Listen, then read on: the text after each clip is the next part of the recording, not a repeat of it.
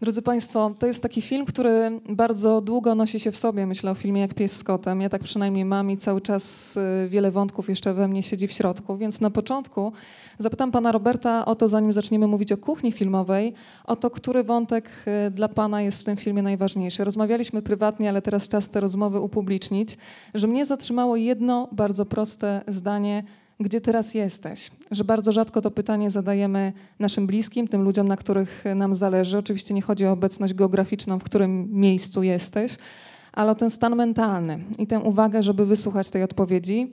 Każdy z Państwa pewnie inaczej sobie przefiltrował ten film przez siebie, więc czas na odtwórcę roli Janusza Roberta Więckiewicza.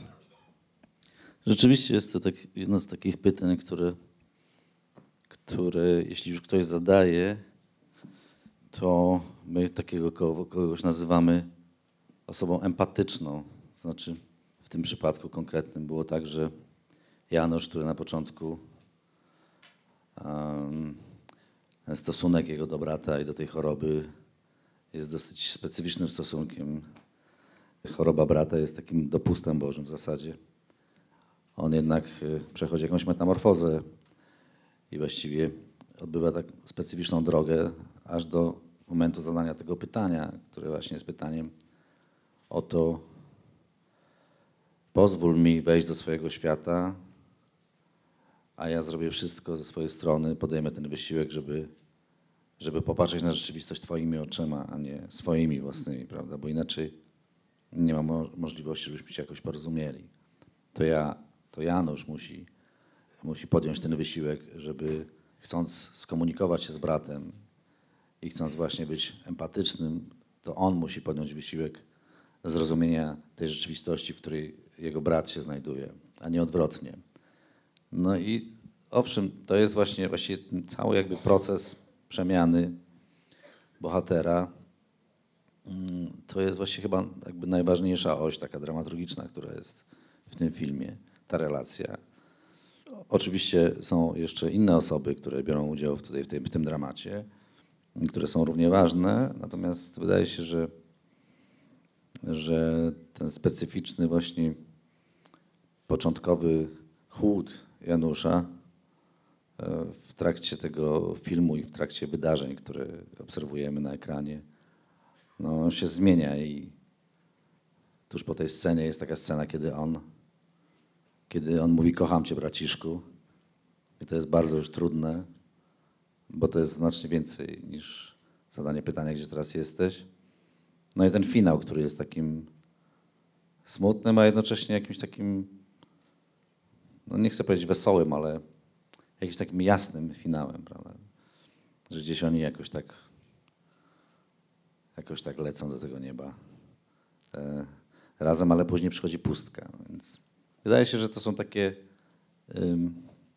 takie kwestie, które, no nie wiem, być może na co dzień sobie nie zadajemy takich pytań, prawda?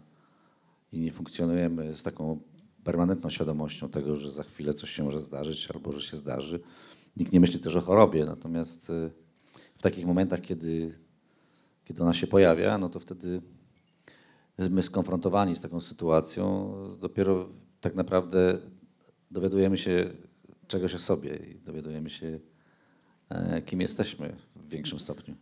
To jest film, który jest bardzo uniwersalną historią, ale powiedzmy tym z Państwa, którzy być może wcześniej nie czytali o tym filmie, że ten film ma bardzo osobistą bazę, osobistą podstawę. Bracia Kondratiukowie, Państwo, którzy kochają kino z pewnością kojarzą takie filmy jak Hydrozagadka, W niebo wzięci, to pan Andrzej Kondratiuk, czy słynne Dziewczyny do wzięcia, to akurat Janusz, czyli postać grana przez Roberta Więckiewicza. E, powiedzmy, jak bardzo był ten intymny świat, e, dialogi. Nie wiem, czy państwo mają takie same wrażenia jak ja, że one są bardzo autentyczne, jakby ktoś podsłuchiwał życie. Czy faktycznie tak było, panie Robercie? Na ile ten świat, który tworzą aktorzy, był wejściem do bardzo prywatnego świata? Rzeczywiście Janusz Kondratiuk, y, który jest y, reżyserem tego filmu, ale jednocześnie jest y, autorem scenariusza. No, przy pierwszym spotkaniu powiedział mi, że nie chce nazywać tego projektu takim projektem terapeutycznym, ale że on chce zrobić ten film, ponieważ to jest taka powinność wobec brata, że on jest to, ma takie poczucie, że, on jest win, jakby winien e, swojemu bratu zrobienie tego filmu. Bardzo chciał opowiedzieć tę historię, e, która, no, to jest, wydaje się, duża odwaga, żeby coś takiego opowiedzieć, dlatego że bardzo łatwo się e, tutaj narazić na zarzuty jakiegoś e, ekshibicjonizmu, prawda? Po co wywlekać jakieś takie. Zważywszy na to, że rzeczywiście relacje między braćmi przez wiele lat nie były najlepsze. A może nie tyle byli skonfliktowani, co po prostu kompletnie nie potrafili się porozumieć między sobą. E, Również relacje między Januszem Kondratiukiem a Igą Cembrzyńską też nie były najlepsze. To było dosyć bardzo skomplikowane. Ta, ta sytuacja rodzinna e, była dosyć trudna. No i nagle to wszystko, co, co się zdarzyło, co, co teraz możemy oglądać na ekranie, spowodowało z- z- zwrot. W jakimś sensie no, takie historie już były w kinie. Ja pamiętam, jestem w stanie sobie przypomnieć taki film Davida Lyncha na przykład, prosta historia, gdzie brat, który ma świadomość tego, że to są jakiś ostatni moment, jedzie przez pół Ameryki takim traktorkiem, żeby spotkać się ze swoim bratem, z którym przez ileś tam kilkadziesiąt lat, czy kilkanaście lat w ogóle nie rozmawiał. Prawda? To jest jakaś immanentna potrzeba jakby takiego zamknięcia pewnego etapu i jakby podsumowania rach rachunków. Podobnie było tutaj. Janusz, y, z tego co, co mi opowiadał, chciał rzeczywiście jakoś się z tym bratem rozliczyć. Y, Mówił mi też, y, nie zdradzam tutaj jakichś prywatnych rzeczy, bo on o tym opowiadał też w wywiadach, że ten moment, kiedy byli razem jeszcze ponownie po tych latach jakby rozłąki, on był za krótki. I że on bardzo żałował, że to, jakby, że to się tak stało, że to, że to było tak krótko. Rzeczywiście mieliśmy tu do czynienia z sytuacją dosyć szczególną również dla aktora, ponieważ y, y, no, nigdy w życiu mi się nie zdarzyło, a chyba w historii kina polskiego był tylko taki jeden przypadek, mianowicie był to film Wszystko na sprzedaż, w którym aktor grał reżysera, który ten film reżyserował. To był Andrzej Łapiński, który wtedy grał Andrzeja Wajdę. Więc to jest drugi taki przypadek, kiedy, kiedy po prostu coś takiego ma miejsce. Dla mnie to było, no to było bardzo dziwne. Ale to może za chwilę do tego przejdę. Y, Kręciliśmy w autentycznych wnętrzach, to znaczy dom, który tutaj widać, jest rzeczywiście domem Janusza Kondratiuka i jego żony, w którym e, mieszkają razem psy, to są te psy. E, Mieszkanie Igi to jest rzeczywiście mieszkanie Igi i Andrzeja Kondratiuków. Kot to jest jej kot. Wszystko jest jakby naprawdę. Więc tutaj mamy do czynienia z sytuacją bardzo specyficzną i dosyć niespotykaną w filmie, że właściwie fikcja miesza się z rzeczywistością. Janusz twierdzi, że wszystkie słowa, które padają w filmie, rzeczywiście padły i on po prostu to tylko spisał. Mm, Stworzył pewną taką oś dramaturgiczną. No, tam jest kilka faktów pozmienianych. No, ta zła siostra w rzeczywistości nie jest siostrą, tylko bratem. To są takie drobiazgi. Natomiast y, mieliśmy jakieś poczucie uczestniczenia w czymś wyjątkowym już na etapie właśnie mm, pracy nad scenariuszem, właśnie kiedy rozmawialiśmy o scenariuszu, no ponieważ y, to jest bardzo świeża sprawa. Co więcej, e, przecież y, nie tylko miłośnicy kina w Polsce y, znają te historie, znaczy znają Kondratiuków, znają Igę Cembrzyńską. Tam był taki fragment charakterystyczny, kiedy e, Ola Konieczna ogląda siebie samą, czyli Mój mały, intymny świat śpiewa. bardzo wzruszający. Pamiętam, jakśmy to kręcili, to wszyscy właściwie płakali na planie, cała ekipa. Mm, Więc to, to, to jest taka historia, którą mm, gdzieś tam ktoś słyszał zazwyczaj, więc mm, to jest jakiś punkt odniesienia. Więc y, mieliśmy poczucie rzeczywiście czegoś wyjątkowego, a jednocześnie y, zdawaliśmy sobie sprawę, i to wyszło, mam nadzieję, że, że to jest też opowieść, która y, jest uniwersalną opowieścią o ludziach, y, że mm, nie wiem, odbiorca mm, na przykład za granicą, który nie zna tego kontekstu, który nie wie, że, że to są właśnie, że oni, nie wiem, tworzyli filmy, czy tworzą filmy, e, że to jest specyficzna konstelacja rodzinna. Wydaje się, że też z tego filmu coś dla siebie wyciągnie, no bo to jest życie po prostu. Tutaj nie ma właśnie to, co przed chwilą powiedziałem, że fikcja zmiesza się z, z, z rzeczywistością, to tu jednocześnie jest ta fikcja i jej nie ma, no bo jednak to jest dzieło sztuki, y, mam na myśli film, więc to nie jest dokument, prawda? Myśmy nie kręcili dokumentu, tylko jednak to jest jakaś kreacja artystyczna. No ale mimo wszystko wszystkie, rzeczywiście wszystkie słowa, które padają w tym filmie, padły w rzeczywistości, naprawdę. Każda rodzina tworzy taki swój wewnętrzny język. Tam jest między innymi takie piękne słowo tatuszku. I zatrzymam się przy tym tatuszku, bo to też y, nie aktorzy, tylko też rodzina znowu no tak, Janusza y, Kondratiuka. Dzieci, które tutaj przyjeżdżają do, do domu do Janusza, to są jego rzeczywiste dzieci. Znaczy to jest jego córka Wera i to jest Janek, który mieszkał za granicą i zagrały, zagrały w tym filmie również. Y, więc to, to jeszcze bardziej potęguje takie, takie no właśnie zanurzenie się w tej realności. Mało tego, w trakcie zdjęć w tym domu, który widzimy, to jest taka miejscowość pod Warszawą, Łoś, Iga y, była obecna, znaczy ona po prostu mieszka z nimi y, od momentu śmierci Andrzeja Kondratiuka i była po prostu na górze no i na przykład myśmy kręcili jakąś scenę, ona sobie schodziła tam po schodach, robiła sobie herbatę, e, jadła kanapki, jakieś kolacje w kuchni, myśmy tam przychodzili do niej. Wszystko dobrze Pani Igo? O, świetnie kręcicie? No to kręćcie, kręćcie.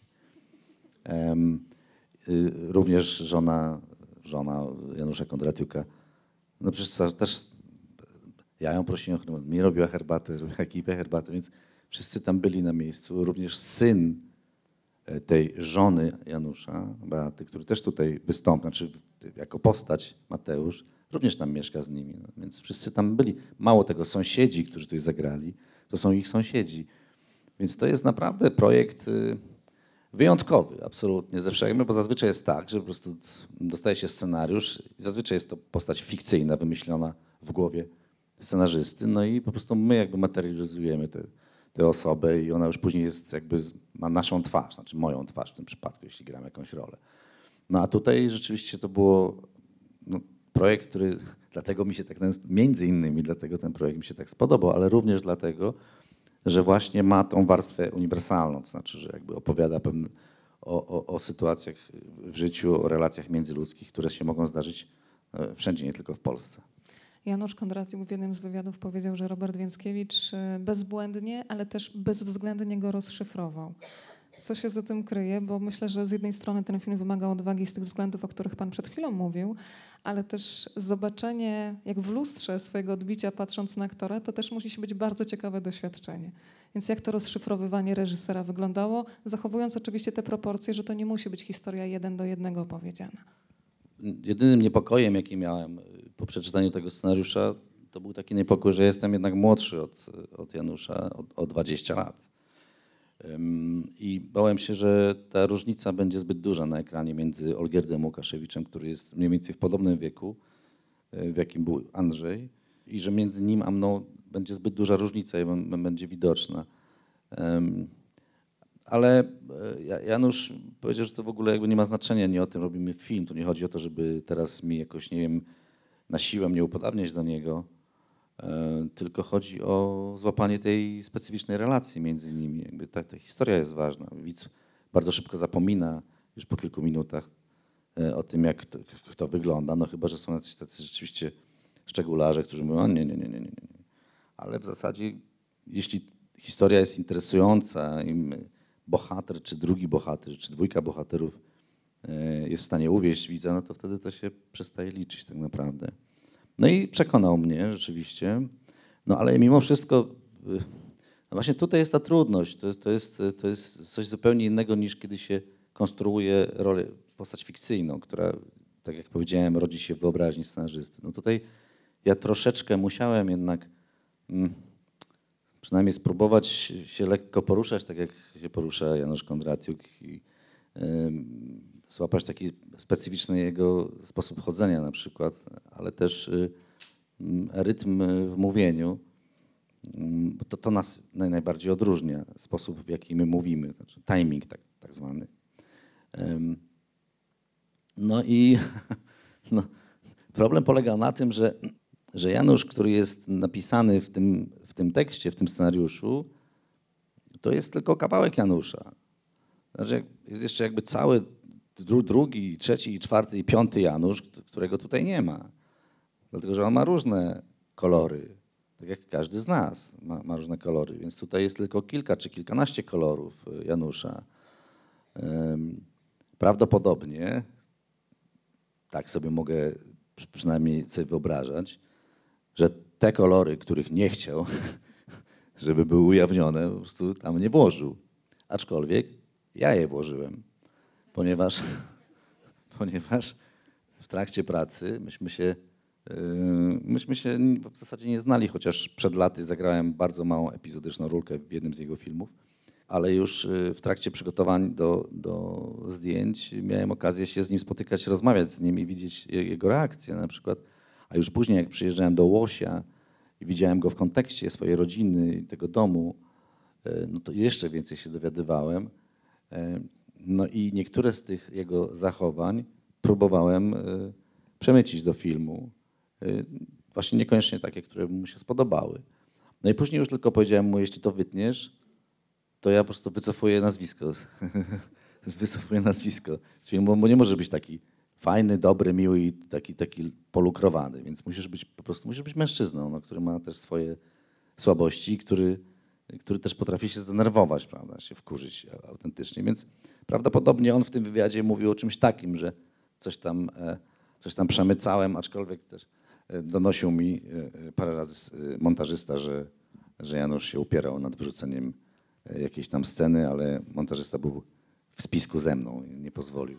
Państwo są pewnie tak samo ciekawi jak ja, co się kryje za hasłem coś tam jednak przemyciłem. Panie Robercie, chociaż jedna rzecz, Nie, ta są takie- prywatna inicjatywa na czym Mm. polegała? Nie mogę powiedzieć wszystkiego. To, jest, Wszystkiego nie, ale chociaż to są jedną takie, rzecz. To, to, to są już, to, to, to jest kuchnia już, to już jest kuchnia taka filmowa i...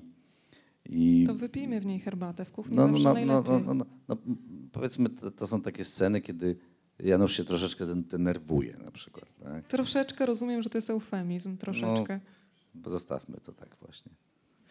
Troszeczkę, to już Państwo wiedzą o co chodzi. Zapytam jeszcze o pewnego aktora, który przyjechał podobno na plan ze Słowacji. Byłam przekonana, że akurat ten aktor jest wygenerowany komputerowo.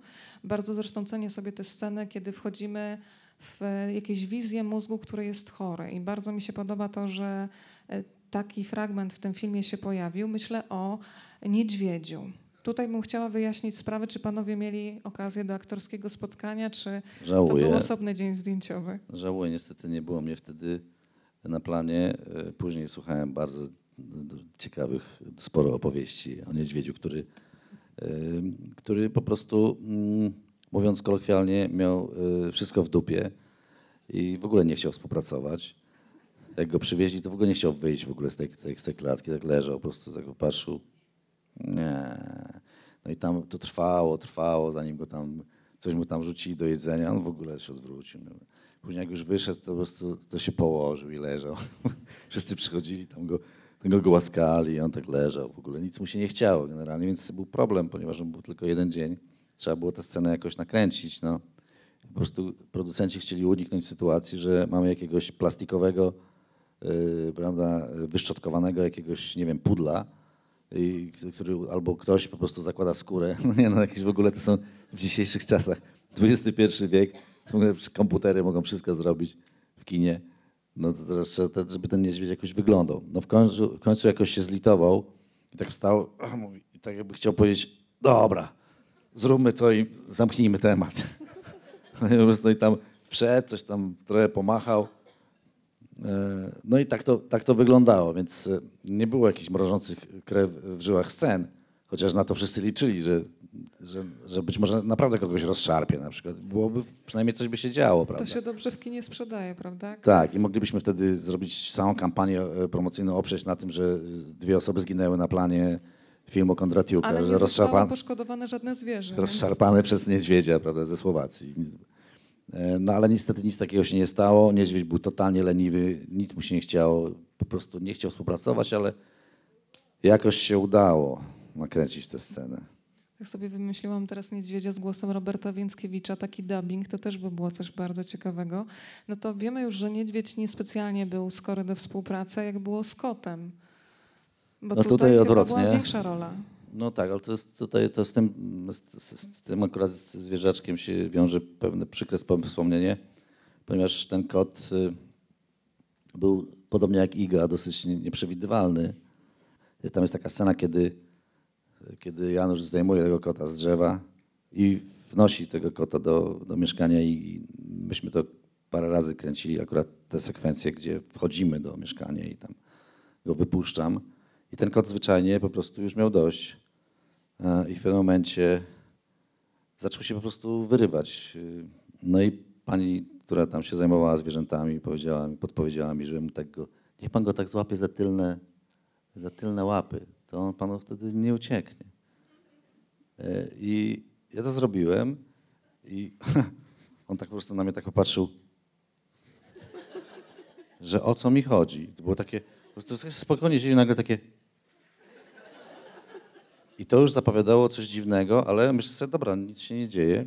I w momencie, kiedy padł, y, padła komenda akcja, ten kot po prostu zawisł na mnie tutaj. To znaczy odwrócił się, wbił mi tutaj dwie łapy, tutaj jedną łapę, tutaj drugą. Ja go puściłem i on tak wisiał i tak skórę mi naciągnął. Koleżanka aktorka, która grała moją żonę, zaczęła piszczeć, a on po prostu wisiał tak. No Czy ja kamera fe- była włączona wtedy, czy nie? no niestety nie, dlatego że to się działo za drzwiami. Kamera była wewnątrz, ale ja mam dokumentację fotograficzną. Nie będę Państwu pokazywał, bo to jest krew, to są rany głębokie, szarpane.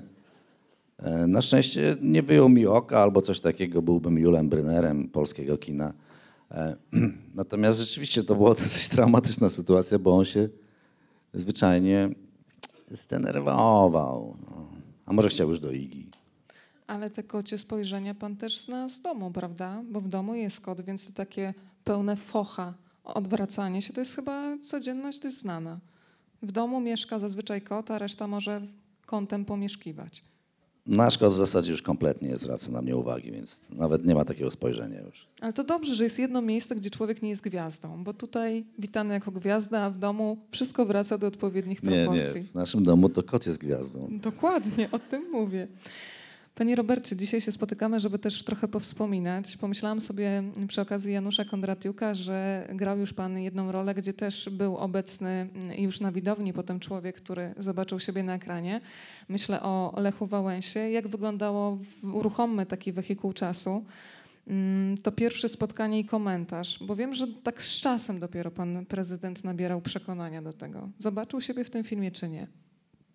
Pan prezydent Wałęsa mm, zmieniał rzeczywiście stosunek do tego filmu i to mniej więcej to wyglądało tak. Po premierze filmu naprawdę wiele podróży odbyliśmy razem y, z tym filmem, ponieważ film został zaproszony na nie wiem, tam 200 festiwali na całym świecie. Oczywiście nie można było wszędzie pojechać, ale w kilku miejscach byliśmy razem y, i on zawsze oglądał. Nie opuścił żadnego seansu. I jak go pytali dziennikarze, jak się podobał film, to on za każdym razem odpowiadał w ten sposób. Widziałem ten film już trzeci raz i za każdym razem coraz bardziej mi się podoba. Widziałem ten film i tak było za każdym razem.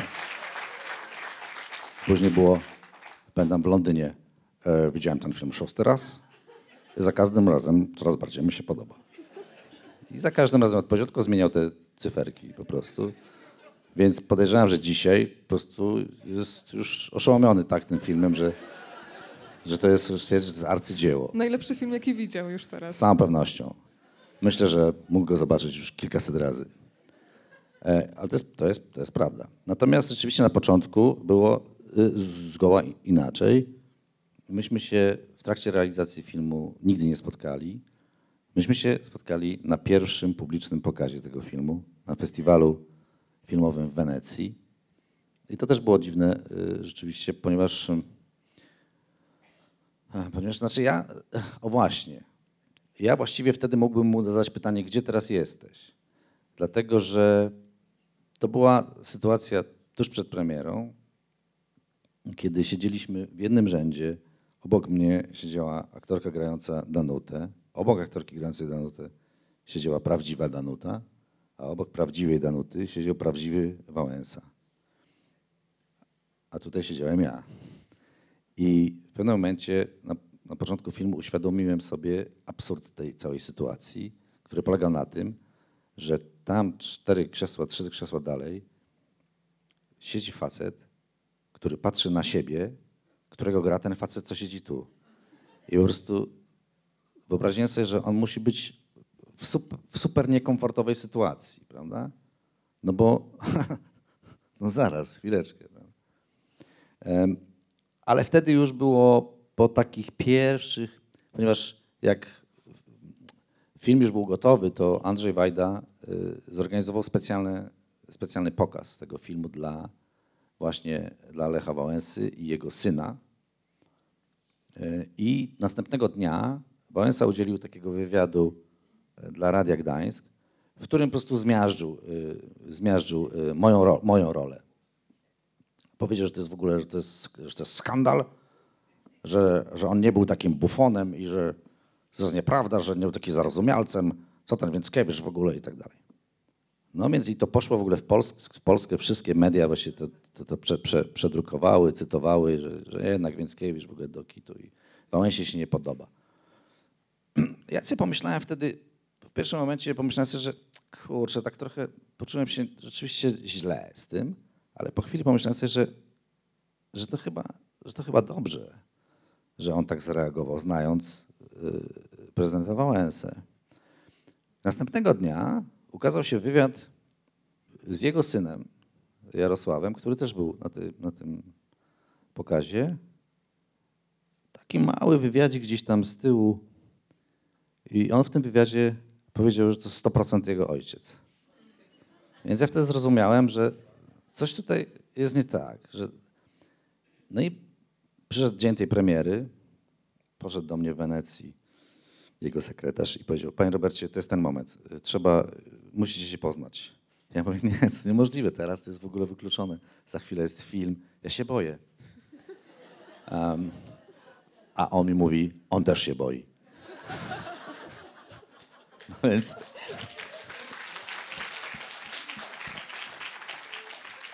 Była taka sytuacja takiego przedpremierowego właśnie takiego, takiego, jakiegoś takiego rautu, mini takiego bankieciku. Ja mówię, dobra, miejmy to za sobą. Idę z nim, pani Danuta widzi mnie już z daleka i mówi, o mój drugi mąż, mój drugi mąż. I ona trochę rozładowała sytuację. Ja podszedłem do prezydenta, dzień dobry, Robert Więckiewicz. On coś tam, coś tam po swojemu powiedział. No ja momentalnie uciekam, nie chcę przeszkadzać, do widzenia. Ale po tej projekcji, znaczy po projekcji filmu, kiedy cała sala w ogóle wstała i zaczęli mu bić brawo, on potrzebuje takiego paliwa. Jak ludzie, jak widzi, że ma akceptację ze strony ludzi, to po prostu za- zaczyna rosnąć i szaleje.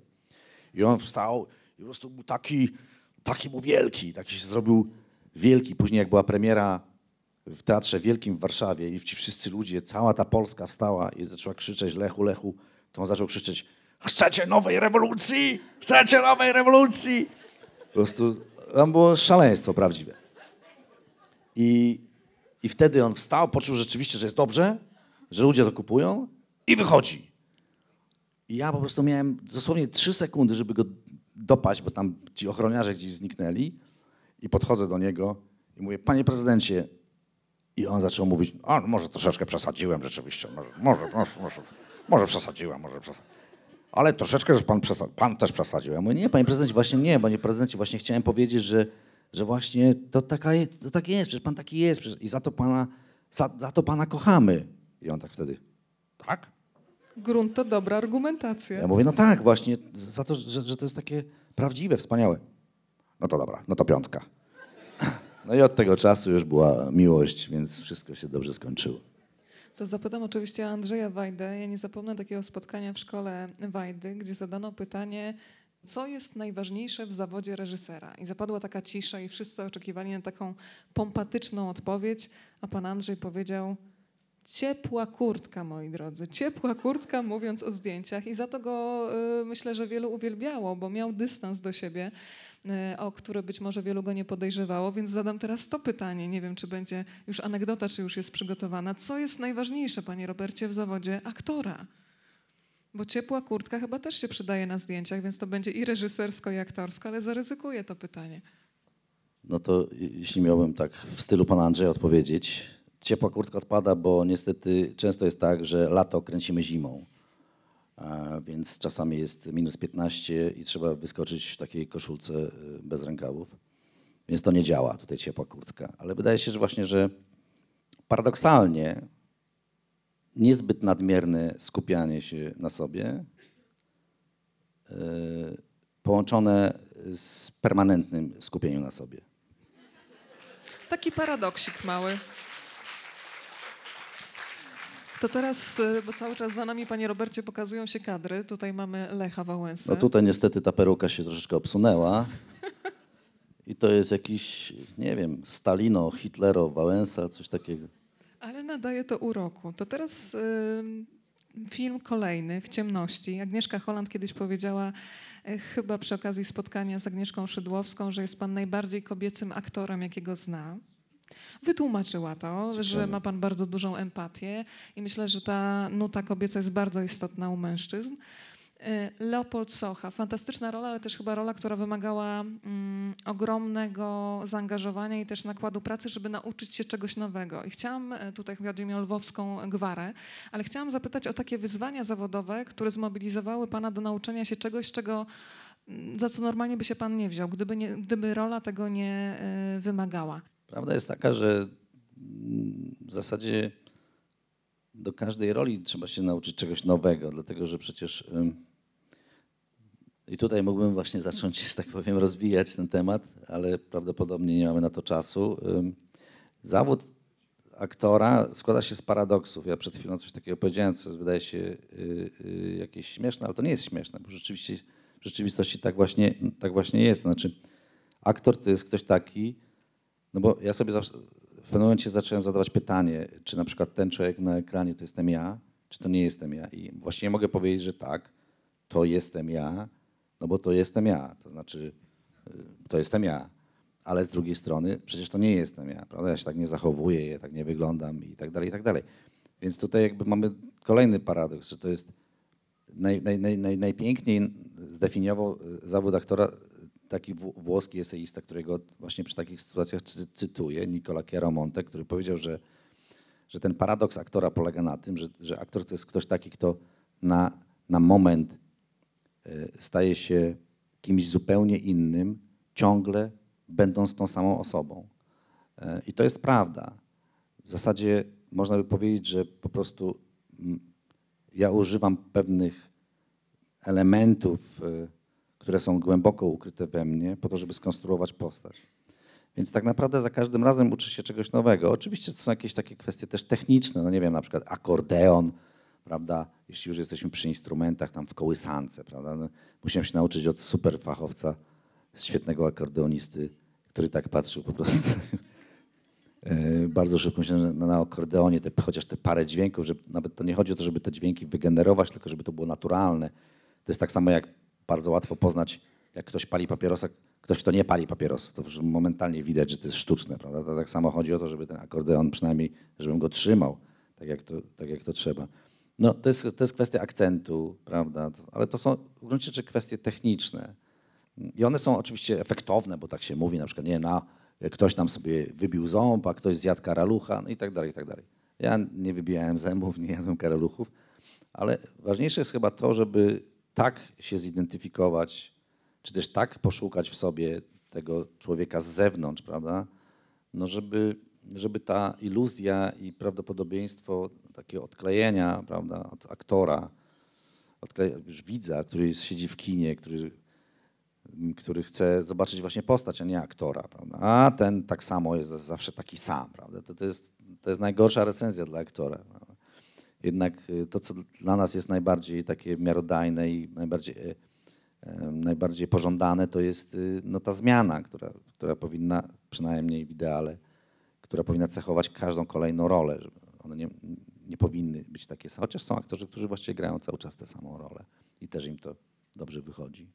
Wspomniał pan tego włoskiego pisarza, mi się przypomniał Molina, którego ostatnio skończyłam czytać, jak przemijający cieni. Tam jest piękne zdanie, że człowiek idzie do kina po to, żeby przestać istnieć. I na chwilę faktycznie tak jest, bo ogląda cudzą historię, ale tak czy siak przefiltrowuje tą historię przez siebie i znajduje takie wątki, skrawki własnego życia nawet w bardzo odległej historii.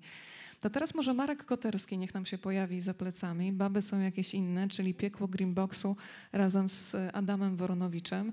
E, Pozwoliłam sobie dzisiaj pana Roberta poprosić o taką zabawę, gdybyśmy mogli stworzyć film, w której to główną rolę będą grały kobiety i będą opowiadały o mężczyznach. Myślę, że też bardzo ciekawy film drogi mógłby powstać. Kogo byśmy mogli zatrudnić? Na razie to była nasza prywatna rozmowa, to czas ją upublicznić chyba. No to ja powiedziałem, że można by było zrobić taki eksperyment, y, żeby dać szansę, nie wiem, kilkunastu czy kilkudziesięciu aktorkom i dać im tam po dwie minuty po prostu w tym filmie, żeby się zmieniały. Te półtorej godziny, czy tam godzinę, nie wiem ile trwa ten film, czy godzinę 40, żeby po prostu żebyśmy zobaczyli plejadę polskich aktorek jako taką właśnie mocną wypowiedź kobiecą, taką reprezentację. No i tutaj no nie wiem, no, od, od, od, od najmłodszych do najstarszych. Po prostu wszystkie mogłyby, tam padały nazwiska, nie wiem, Stanisławy Celińskiej, prawda, czy też Maji Ostaszewskiej. No, ja powiedziałem z kolei, że, że mamy mnóstwo fantastycznych y, aktorek w Polsce i y, na pewno nie byłoby, nie, nie byłoby problemu, żeby, żeby znaleźć kilkanaście par, które by mogły, no właśnie. No i pewnie byłyby, ten film by po prostu był estetycznie by lepiej wyglądał wszystkim. Bo mamy tutaj jakiegoś takiego smutnego po lewej i łysego po prawej, też zestresowanego, więc myślę, że może taka wersja kobieca, kto wie. A spotkanie z Markiem Koterskim, i to też mnie bardzo ciekawi, czy Robert Więckiewicz się stresuje na planie jeszcze? Bo kiedy się patrzy na Roberta Więckiewicza, to się wydaje, że z oazą spokoju, takiej pewności siebie, czy zdarzają się sytuacje, kiedy pojawia się autentyczny stres i nie wiadomo właśnie jak go opanować, bo wszyscy są przekonani, że Robert Więckiewicz jest twardzielem. Stres może być czymś bardzo pozytywnym i, i bardzo kreatywnym. Jeśli się pojawia, to taki stres. To znaczy, już jakby nie mam takiego stresu, że się boję tam, że coś. Nie, po prostu to jest też proces. To jest tak, że e, mimo tego, że na przykład e, znam scenariusz, prawda, i nie wiem, sobie tam dokonałem jakiejś analizy, zobaczyłem, zobaczyłem tego bohatera, zaczynam go rozumieć, zaczynam z nim jakoś funkcjonować blisko, to to nie jest tak, że jak wchodzę pierwszego dnia na plan zdjęciowy i staję przed kamerą, to wszystko wiem. Wręcz przeciwnie, w zasadzie nic nie wiem. To się tworzy, to się jakby, to jest proces. To nie jest tak, że to jest jakby ktoś przychodzi z gotową, może są tacy aktorzy, którzy przychodzą z gotową rolą, prawda, i to i, i realizują tylko te, te, te założenia. Ja tak nie umiem pracować, dlatego że dla mnie istotny jest ten moment kreacji, to znaczy ten moment, kiedy coś się tworzy tu i teraz. Praca w filmie jest zupełnie inna niż praca w teatrze. Praca w teatrze jednak ma ten element kreacyjny, ale rozłożony na dłuższy czas. Praca w filmie to jest ten moment, to znaczy to jest ten moment, kiedy, kiedy ja mogę na przykład sobie żartować na planie. Tam, zresztą bardzo często moi koledzy mają do mnie pretensje o to, bo ja się rozpra- ja to nazywam skupienie przez rozproszenie. E, to znaczy robię setkę innych rzeczy i w momencie, kiedy jest ten moment, to wtedy jest pach i jest jakby wejście w, te, w, tam, w, tę- w tę postać, którą trzeba. W związku z tym nie interesuje mnie taka sytuacja, że mam na przykład całą wymyśloną rolę od początku do końca i przychodzę i realizuję te swoje postulaty, bo to wtedy jest jakiś rodzaj odtworzenia tylko. Znacznie bardziej ciekawsze jest y, dla mnie, jak coś się zdarza na planie, coś nawet też nieoczekiwanego. Na przykład jedna z ostatnich scen, zanim Andrzej zawoła Janusza, to jest scena, która mm, y, zawiera taki element, mianowicie Iga wychodzi z pokoju, wychodzi na taras, gdzie my przygotowujemy się do śniadania. No i tam całuje Bożenę, znaczy tą Beatę i całuje mnie i w tym momencie kromka chleba mi spada. Tego nie było w scenariuszu, to się zdarzyło. Natomiast Ola to ładnie skomentowała, więc jakby to są takie sytuacje, które i takich sytuacji jest mnóstwo na planie, takich sytuacji, które się po prostu wydarzają, ale mało tego, to są przypadki. Ale ja specjalnie kreuję takie sytuacje, żeby one się wydarzały, do tego stopnia, że często nie uczę się dialogu. Tylko ten dialog, e, oczywiście on pada, ten dialog tak czy inaczej, ale on jest dopiero przyswajany przeze mnie w trakcie prób, w trakcie jakby układania inscenizacji sceny. To jest o wiele ciekawsze, dlatego że ja wtedy jestem o wiele bardziej naturalny, muszę to znajdować w sobie. To jest to, jest to co naj, naj, najbardziej smakuje e, w, e, dla mnie w tym, w, w, ty- w tym moim zajęciu, w tym moim zawodzie. Po prostu, czyli stwarzanie pewnej rzeczywistości i to jest takie pociągające i narkotyczne. Ja sobie wyobrażam, że można się nauczyć dialogu i go tworzyć podczas prób na przykład u Janusza Kondratiuka, ale skoro jesteśmy przy Marku Koterskim, to on jest znany z tego, że on jest przywiązany do każdego przecinka, frazy, intonacji, wszystkiego, więc tam chyba nie ma dużego pola do improwizacji. Jest, owszem, oczywiście Jest? ten tekst musiał być wcześniej opanowany, dlatego że nie sposób jest e, mówić Koterskim tak z ulicy, e, więc e, myśmy mieli z kolegą Adamem e, ponad 100 stron tekstu we dwóch, przy czym e, ten tekst czasami to był dialog taki, po prostu przerzucanie piłki, a czasami to były jednak e, długie monologi pisane frazą Koterskiego, no, która pewnie Państwo wiecie, jak ona brzmi, to po prostu tego się nie da normalnie wypowiedzieć. Więc ja, ym, korzystając z uprzejmości mojej rodziny, miałem po prostu tydzień y, nad morzem, wyjechałem sam i chodziłem z po plaży. y, Ludzie patrzyli jak na idiotę, bo ja po prostu głośno y, wykrzykiwałem ten tekst, a jak Państwo nie wiecie, polecam, baby są jakieś inne. Tam się mówi o kobietach w sposób dosyć, powiedziałbym, taki łagodny i sympatyczny. E, więc to rzeczywiście, ale w momencie, kiedy już ten, tutaj w tym przypadku to był rzeczywiście wyjątek, musieliśmy ten tekst opanować. Natomiast w momencie już, y, nawet jeśli znamy ten tekst, to i tak Znowu tutaj się muszę odwołać do paradoksu. Musimy tak się zachować, jakbyśmy go nie znali. To znaczy, po prostu tak jakbyśmy nie wiedzieli, co zaraz powiemy. To jest też ciekawa, ciekawy proces w ogóle psychologiczny. Kolejny film Siedem uczuć, w którym zagra Robert Więckiewicz u Marka Koterskiego na festiwalu filmowym w Gdyni. Na tej sali, drodzy Państwo, też jest ukryty reżyser i właśnie dostałam znak, że teraz jest czas na pytania od Państwa. Więc z przyjemnością oddam w mikrofon w dobre ręce. Proszę zaspokajać ciekawość, proszę podnieść rękę i, i możemy zaczynać. Dzień dobry. Wracając do dzisiejszego filmu. Nie był pan szczodry i nie wyjawił za dużo smaczków, które udało się przemycić w tym filmie. Proszę powiedzieć, czy w scenie, w której przygotowuje pan posiłek dla brata z owoców morza, pojechał pan, em, moment, ten nasz prezenter, który mm, kulinarne programy prowadzi, Makłowiczem, czy to było tylko złudzenie? A to ciekawa interpretacja. E, Znaczy, wydaje się, że Nie, to chyba był przypadek w takim razie. jeśli tak? nawet tak pan to przeczytał, to ja tak e, o tym nie myślałem. Aż tak, szkoda. Dobra, dziękuję. Czyli jest potencjał nie tylko na Lecha Wałęsa, ale też Robert Makłowicz ukryty został zauważony. Kto Aczkolwiek Państwa- oglądałem kiedyś programy Makłowicza rzeczywiście i może mi coś tam zostało, kto wie. Podświadoma inspiracja. Drodzy Państwo, czekamy na ciąg dalszych pytań. Można pytać o wszystko, najwyżej nie odpowiem. E, Dzień dobry. E, Czy lubi pan oglądać siebie na ekranie?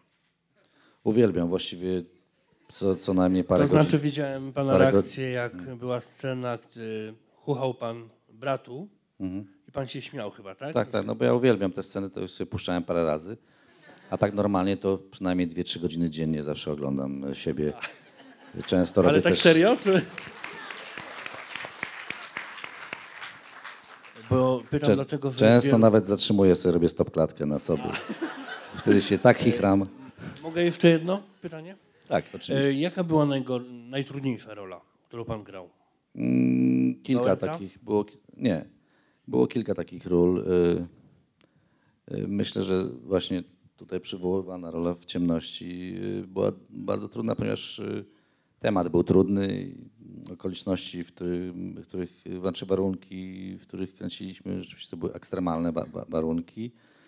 No jakby ogólna at- atmos- atmosfera tego filmu i powiem, po prostu emocje, które ja musiałem w, jakby w, w sobie wygenerować, żeby no bo to nie jest jakby łatwa sytuacja, że ktoś po prostu wchodzi do kanału i nagle się okazuje, że, że niemowlę, które dopiero się urodziło, zostało zabite, więc jakby to trzeba jakoś zareagować na to i to nie jest takie proste, więc rzeczywiście ten film, a drugim filmem bardzo trudnym, który rzeczywiście mi dam dosyć dużo zdemolował w środku, to, było, to była rola pod Mocnym Aniołem.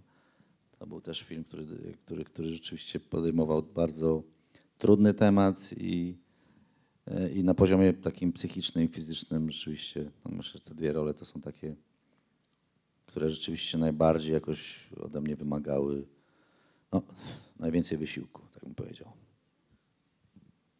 Aha, i to pierwsze pytanie to oczywiście żart, wie pan. To raczej średnio tam mam z tym. Już wystarczy mi ta gęba od 50 lat przed lustrem. Dzień dobry, bardzo miło było mi dzisiaj Pana oglądać. Kasia Watkowska. Y, Jeden z reżyserów powiedział o panu Olgierdzie, że to jest aktor, który na ekranie albo się rozbiera, albo umiera. I robi to fenomenalnie. No to tutaj dwa w jednym. No. No, dokładnie tak.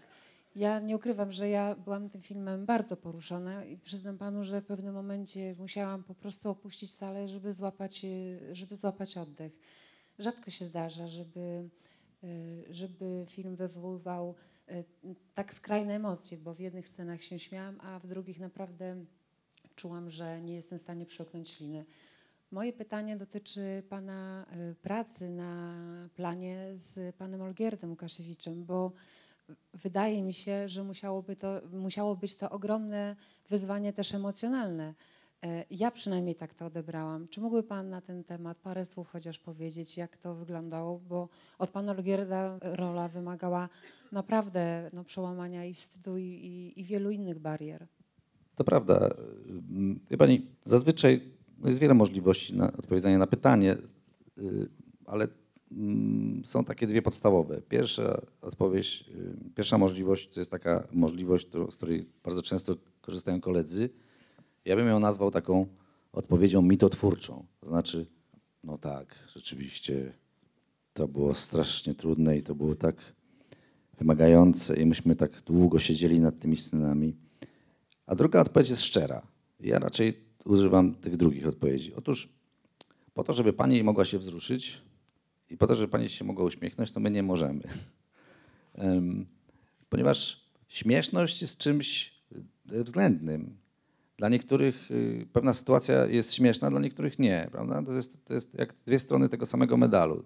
Dla niektórych ta sama sytuacja jest bardziej dramatyczna czy tragiczna, a dla niektórych bardziej śmieszna. Prawda? To jest bardzo cienka granica. I tu w tym filmie rzeczywiście my często balansujemy na tej granicy.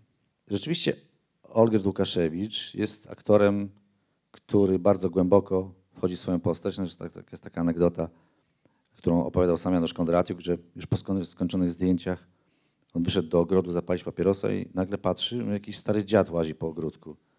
My podchodzi, a to Olgierd po prostu w szlafroku. W tym zresztą coś tam chodził i coś tam burczy. To jest prawda. Em, Więc y, absolutnie pełna identyfikacja. Miał szczęście w jakimś sensie, że mógł zobaczyć y, ostatnie nagrania, takie wideo y, tuż przed śmiercią Andrzeja. To mu bardzo pomogło, bo to rzeczywiście nie tylko jakby jego talent i wyobraźnia, ale również miał jakby pe- pewną taką, no, nazwijmy to, może to jest brzydko, ale taką pomoc naukową w tym sensie, że mógł zobaczyć, jak Andrzej wyglądał ostatnie tygodnie przed śmiercią, jak się zachowywał, mógł zobaczyć jego oczy przede wszystkim, prawda, no bo to jest to najważniejsze.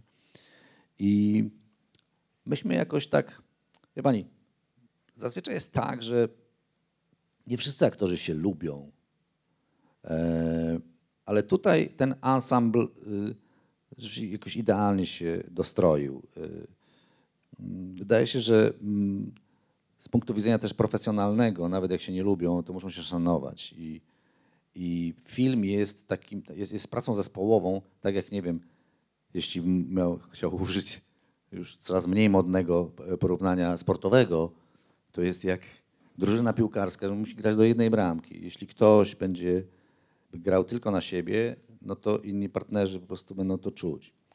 I tutaj nie trzeba było się jakoś wysilać specjalnie, dlatego że i Olgierd Łukaszewicz, i Ola Konieczna, i Bożena Stachura, i właściwie cała ta ekipa, to są ludzie, których, których znaczy my się wszyscy znamy, cenimy się nawzajem, lubimy, więc, y, więc tutaj nie było takiego problemu. Natomiast rzeczywiście te, y, szczególnie te sceny bardzo intymne, mm, to się odbywa zazwyczaj tak, że potrzebujemy chwilę dla siebie, takiego po prostu ciszy. Praca na planie to jest totalny chaos. To jest kilkadziesiąt osób, każdy się zajmuje swoimi rzeczami, tam tu kabel, tam światło, tutaj tu operator, tu kamera, prawda? Pięć osób naokoło, tu mikrofony, z tej, z tej, z tej, z tej, z tej. Przy takich scenach, jak na przykład to, kiedy ja tam przychodzę, siadam do niego, u niego i rozmawiamy o ojcu, że tam chciał pojechać do Paryża, potrzebny jest spokój, potrzebny jest chwila nastroju. E, I wtedy zdarzają się, często mogą się zdarzyć piękne rzeczy, takie rzeczy, które e, których się nie osiągnie właśnie w takim zgiełku i w chaosie. I tutaj to, co było istotne, już o tym wspomniałem wcześniej, to było to, żeby, żeby mm, Olo o tyle miał trudniej, że on nie miał e, w tekście jakichś takich tekstów, znaczy nie miał jakby takich, w tym dialogu swoim nie miał takich tekstów afirmatywnych w stosunku do brata. Raczej odwrotnie. Raczej strasznie go tam postponował, strasznie na niego utyskiwał, strasznie na niego y, narzekał i, i wręcz go wyzywał. Ale czasami jest w jego spojrzeniu jakieś ciepło i czasami jest w jego spojrzeniu e, takie rzeczywiście uczucie bliskości takiej braterskiej. Ja mogłem mu to powiedzieć, kocham cię braciszku. On tego nie mógł. I nad tym też pracował, wiem, bardzo mocno, żeby, żebyście wy, państwo widzowie, żebyście poczuli, że, że oni się kochają. Że to nie jest łatwa miłość, że to nie jest takie właśnie wszystko polukrowane, ale że jednak ta więź braterska jest bardzo silna. No, cóż mogę powiedzieć, to jest wielka przyjemność pracować z takimi y, fantastycznymi kolegami. Proszę Państwa, jakieś pytania? Ostatnia szansa tutaj. Tu jeszcze pan. Proszę uprzejmie, proszę uprzejmie. Dobry wieczór Państwu. Chciałbym oczywiście, bo tu jeszcze nikt tego nie powiedział, pogratulować Panu roli. Bardzo, e, bardzo mi się podobała, chyba najbardziej.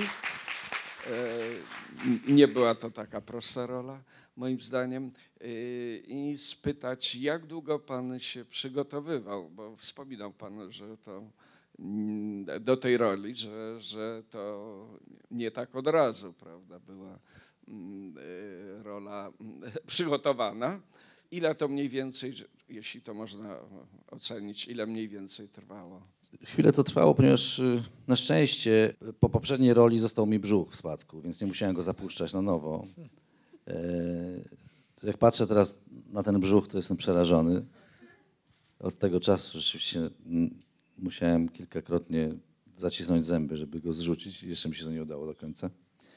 Mówiąc poważnie, mm, myśmy kręcili ten film w kilku etapach, y, ponieważ jak widać tutaj się też zmieniają pory roku.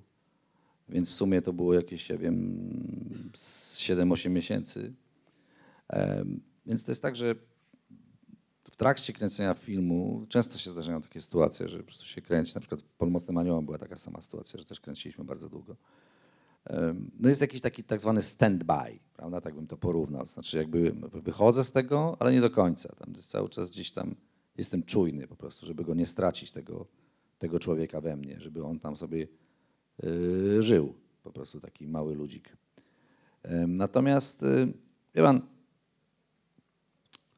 to jest różnie, no to trudno jest tak to ocenić. y, Od momentu przeczytania scenariusza do momentu rozpoczęcia zdjęć minął rok. To nie znaczy, że ja przez, że ja przez ten rok cały czas się przygotowywałem. Po prostu to jest tak, że o tym się myśli, e, czasami się przeczyta, czasami się przeczyta kilka scen, czasami się przeczyta jeszcze raz scenariusz. Ten scenariusz też się zmienia w ciągu tego roku, to dochodzą pewne sytuacje i tak dalej. To jest jakby to jest, to jest proces, który jest takie odkładanie się kolejnych warstw stopniowo. Em, tak jest, to jest tak jak w tekście ubieranie choinki po prostu. Tak? Jest taki szkielet i się ubiera tę choinkę i później nagle się widzi, że ta choinka w ogóle w niczym nie przypomina tego drzewka, który przynieśliśmy do domu. I podobnie jest z rolą, że ona tak po prostu tak pączkuje, pączkuje, pączkuje i ten proces jest nie, jakby nie, nieustanny. Ja nawet teraz w zasadzie, będąc na tym spotkaniu z Państwem, też się przygotowuję do jakiejś kolejnej roli, jeszcze nie wiem jakiej, ale takim przygotowaniem jest właśnie życie. To znaczy to jest, to jest, to, to jest, to jest jakby tego się nie da odseparować. Tak? Znaczy jakby to nie jest tak, że ja mam pracę, do której idę. Na szczęście. To nie jest tak, że na przykład idę do pracy, tam na siódmą i tam pracuję, kończę pracę tam o trzeciej, wracam do domu i już jestem po pracy. Ja jestem cały czas w pracy właściwie, a jednocześnie jestem cały czas na wakacjach. Kolejny paradoks. Brawo. A nawet jak jestem w pracy, to też jestem na wakacjach, tylko że w pracy. Więc, więc to jest tak, że wie pan, bardzo trudno jest. y, Nie, czasami te przygotowania trwają dłużej, znaczy ten proces trwa dłużej, a czasami krócej. To zależy od tego, jaka jest rola, jaki jest film i tak dalej, i tak dalej. Natomiast tutaj, tutaj sporo, kilka spotkań z Januszem było istotnych takich, prawda? Mm, on wie- wiele rzeczy opowiedział mi, wiele rzeczy mi powiedział, powiedział też, jak on sobie mniej więcej wyobraża ten film, jakby chciał go zrobić, co później zupełnie się nie sprawdziło, poszedł w drugą stronę. Więc to jest, to jest naprawdę, to jest proces, tak, tak naprawdę to, ten proces ciągle trwa, dlatego że on teraz jest przeniesiony z nas na was. Więc ten proces po prostu życia filmu ciągle trwa. Wy go teraz na nowo jakby odczytujecie. Chciałem zapytać, jak pan dobiera tę rolę? Czy pan czyta scenariusz i wtedy pan decyduje, że pan będzie grał, czy, czy ktoś przychodzi od razu, decyzja jest później? Nie, no to jest tak jak, wie pan, to jest tak jak pan idzie do sklepu z, z butami. Po prostu kupuje pan te buty, które pan chce kupić, a całą resztę zos- zostawia. Kobiety mają trochę inaczej. Ale mężczyźni... Ale z tego co wiem, mężczyźni raczej robią tak, że wchodzą, biorą, wychodzą, prawda? E, pewnie gdyby kobiety mogły wziąć cały sklep, to miałyby więcej czasu w domu na podjęcie decyzji, ale tak nie jest. To jest, to jest dosyć, w gruncie rzeczy to jest, to jest mm, no już jakby pozostając w tej poetyce, to jest piekielnie proste i strasznie trudne. Dlatego, że y, przede wszystkim scenariusz jest y, tym punktem wyjścia. Jeśli scenariusz jest w moim pojęciu słaby, jeśli ja nie znajduję w tym scenariuszu czegoś interesujące- interesującego dla siebie, czy to historii, czy też postaci, którą mam grać, no to w ogóle się jakby za to nie zabieram. To po prostu to odrzucam. Dziękuję za to, nie chcę mieć z tym nic wspólnego. O wiele więcej scenariuszy odrzucam niż akceptuję. Gdybym chciał wszystkie scenariusze akceptować, no to bym nie mógł w ogóle funkcjonować, bo w zasadzie musiałbym cały czas grać i tak by nie wystarczyło czasu. Więc to jest podstawowe kryterium. Jakość scenariusza, e, jakość, ta, ta postać, którą mam, mam grać, a dalej no to już są jakby dodatkowe elementy, czyli kto to reżyseruje, kto w tym będzie grał. Mm, Tyle. Bardzo dziękujemy, że zaakceptował scenariusz bycia dzisiaj z nami Robert Więckiewicz i jest tutaj z nami. Dziękuję Państwu. Drodzy Państwo, ten film jak Pies z kotem według mnie też opowiada o tym, że każdy z nas, jak tu siedzimy, ma swój własny mikrokosmos i najpiękniej jest wtedy, kiedy otwieramy do siebie drzwi, uruchamiamy empatię i za to dzisiaj bardzo dziękuję panu Robertowi Więckiewiczowi e, za opowieść o aktorstwie, ale też myślę, że dzięki temu spotkaniu i dzięki temu, w jaki sposób pan Robert mówi, mogliśmy poznać przede wszystkim człowieka wyjętego z konkretnej roli. Pan burmistrz jeszcze widzę. Zapraszam serdecznie. Pan Wojciech Karol Iwaszkiewicz i zapraszam, bo rozumiem, że tutaj przekaz do pana Roberta. E, Tak jest. E, Drodzy Państwo, przede wszystkim ja również gratuluję tej roli, ponieważ e, powiem dlaczego, tak zupełnie szczerze, bo nie, nie byłem świadomy tego, jaki film będę oglądał. I gdyby ktoś mnie zapytał, jaki to jest gatunek, to nie potrafiłbym zdefiniować, dlatego że tak wiele jest tam elementów prawdziwych. Prawdziwa historia, prawdziwi ludzie, nawet te zwierzęta i ten kot nie? prawdziwy. Więc to ma tyle cech dokumentu, w których e, musiał jednak Pan odegrać jakąś rolę.